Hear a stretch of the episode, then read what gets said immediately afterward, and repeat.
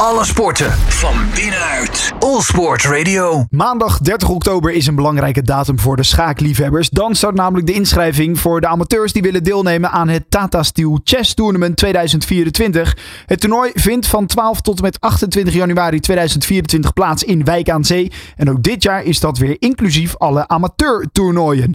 En ik ga erover verder praten met Jeroen van den Berg, al sinds jaar en dag toernooi directeur van de Tata Steel Chess Tournament. Jeroen, welkom. Ja, De Tata Steel Chess Tournament. Het is een, eh, een wereldwijd bekend toernooi, hè, deze? ja. En het is wel leuk dat, ehm, dat je ook, of jullie ook aandacht willen besteden aan onze amateursectie. Want zo is het ooit begonnen. eh, eind jaren 30 het toernooi als een, in eerste instantie een toernooi voor liefhebbers, amateurs in de bedrijfskantine van wat toen nog Hoogovens heette. En inmiddels is het uitgegroeid tot eh, een van de grootste en sterkst bezette schaaktoernooien ter wereld. Ja, want me- mensen kunnen misschien wel eens denken: waarom heet dat nou Tata Steel Chess Tournament? Maar dat is gewoon vanwege de geschiedenis waar het ooit allemaal is begonnen. Ja, klopt. Eh, heeft ooit, ooit begonnen in Beverwijk. Later is het eh, naar Wijk aan Zee eh, verhuisd. Daar zitten we nu al 50 jaar. En de meeste Nederlandse mensen zullen het toernooi toch vooral kennen als het hoogoverschaaktoernooi. Maar door allerlei fusies en overnames heet het eh, al eh, ja, jarenlang nu Tata Steel schaaktoernooi. Maar het is nog steeds hetzelfde event met hetzelfde sfeertje in Wijk aan Zee in de sporthal Moriaan. Ja, en daarom misschien ook wel logisch dat er bij jullie ook amateurtoernooien zijn georganiseerd. Ja, zeker. En het aardige van die amateurgroepen is dat dus iedere deelnemer, het maakt niet uit eh, hoe sterk of hoe zwak je bent, heeft in theorie de mogelijkheid om op te klimmen tot het hoogste podium, namelijk de Masters, waar de, de absolute wereldtop meedoet. Want in ons eh, piramidesysteem gaat iedereen die een tienkamp wint, promoveert het jaar daarna naar een hogere groep. Ah. Totdat je in de hoogste tienkamp komt. En als je die wint, ga je naar de Challengers. Dat is onze tweede hoofdgroep. En als je de Challengers wint, ga je naar de Masters. Dus ja, iedereen heeft het in zich om eh, wie weet ooit de degens te kruisen met eh, Magnus Carlsen. Ja, dat is toch eh, de man in de schaakwereld waar je ooit een keer tegen geschaakt zou willen hebben. Eh, betekent dus ook dat er misschien wel carrières zijn begonnen bij jullie Tata Steel Chess Tournament. Zeker. Ehm, en, ehm, ik zal niet zeggen dat de carrière van Magnus Carlsen bij ons is begonnen. Maar ik weet nog wel in 2004 toen hij voor het eerst meedeed. Toen in onze derde grootmeestergroep.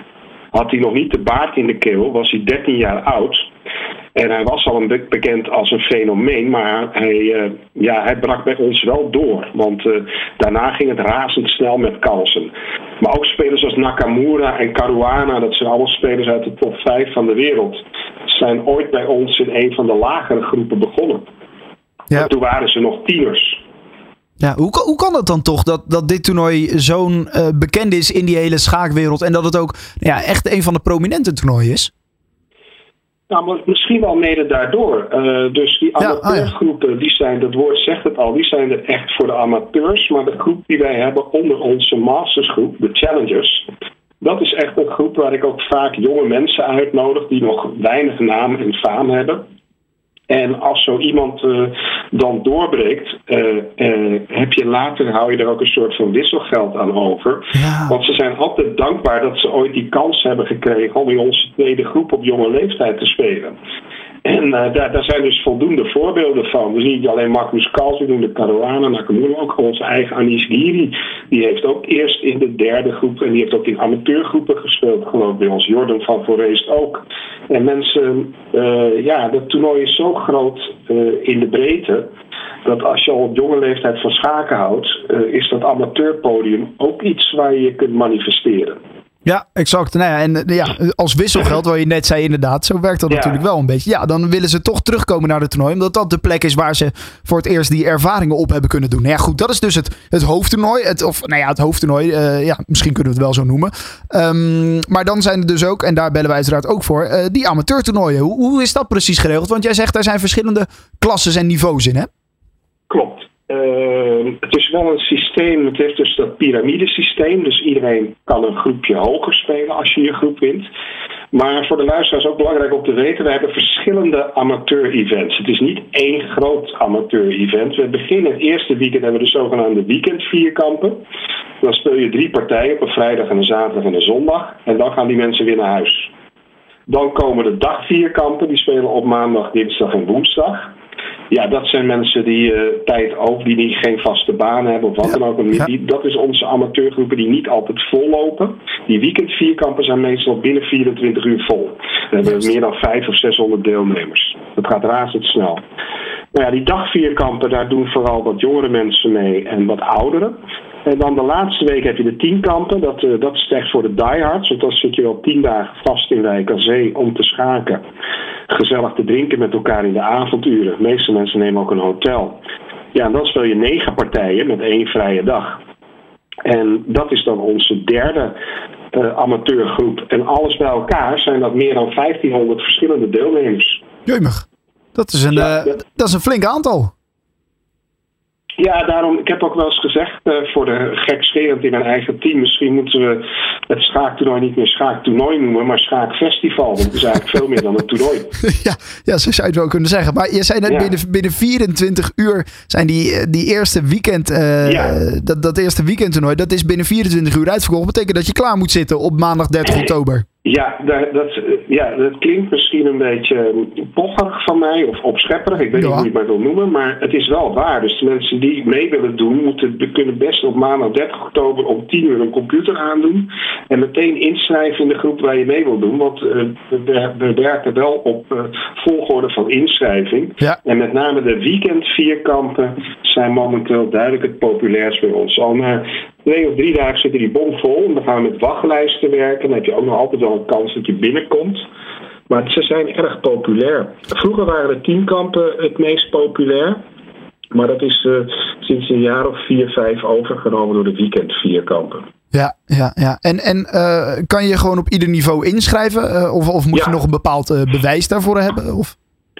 Nee, nee, zelfs als je niet lid bent van een schaakclub en ook geen rating hebt, zoals het heet, want Ja. iedere geoefende amateurschaker heeft een rating, een ranking, kun je ook bij ons meedoen, want dan baseren wij wel eh, wat je rating ongeveer is, je speelkracht. En dan moet je geloof ik wel iets meer inschrijfgeld betalen voor de KNSB-verwerking. Maar dat, uh, ja, dat, dat hoort nou eenmaal zo, dat is meer administratief. Maar iedereen kan bij ons meedoen. Van, van man, vrouw, kind, oud, jong, noem het allemaal maar op. En dat is het leuke van schaken ook.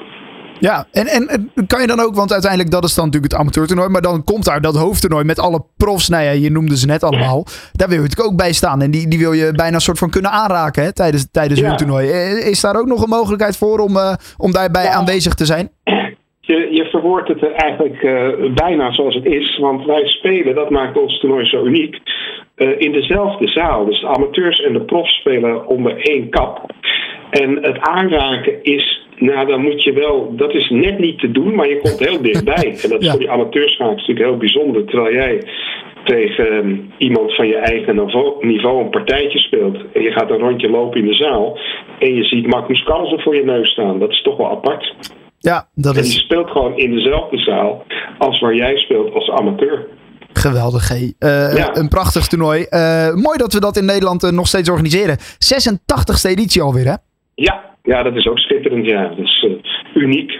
Ja, ja, een van de langslopende gesponsorde events in Nederland, denk ik. Ja ik, van, ja. ja. Ja, dus eh, ach, 86 jaar is eh, echt een unieke reeks natuurlijk. Zeker, zeker. Ja. Dan gaan we al, eh, flink de geschiedenisboeken in. Eh, goed, eh, 12 tot en met 28 januari, dan vindt die plaats. Belangrijker is eerst nog eventjes die maandag 30 oktober om 10 uur s Ja. ochtends. Dan eh, kan je je inschrijven voor het Tata Steel Chess Tournament.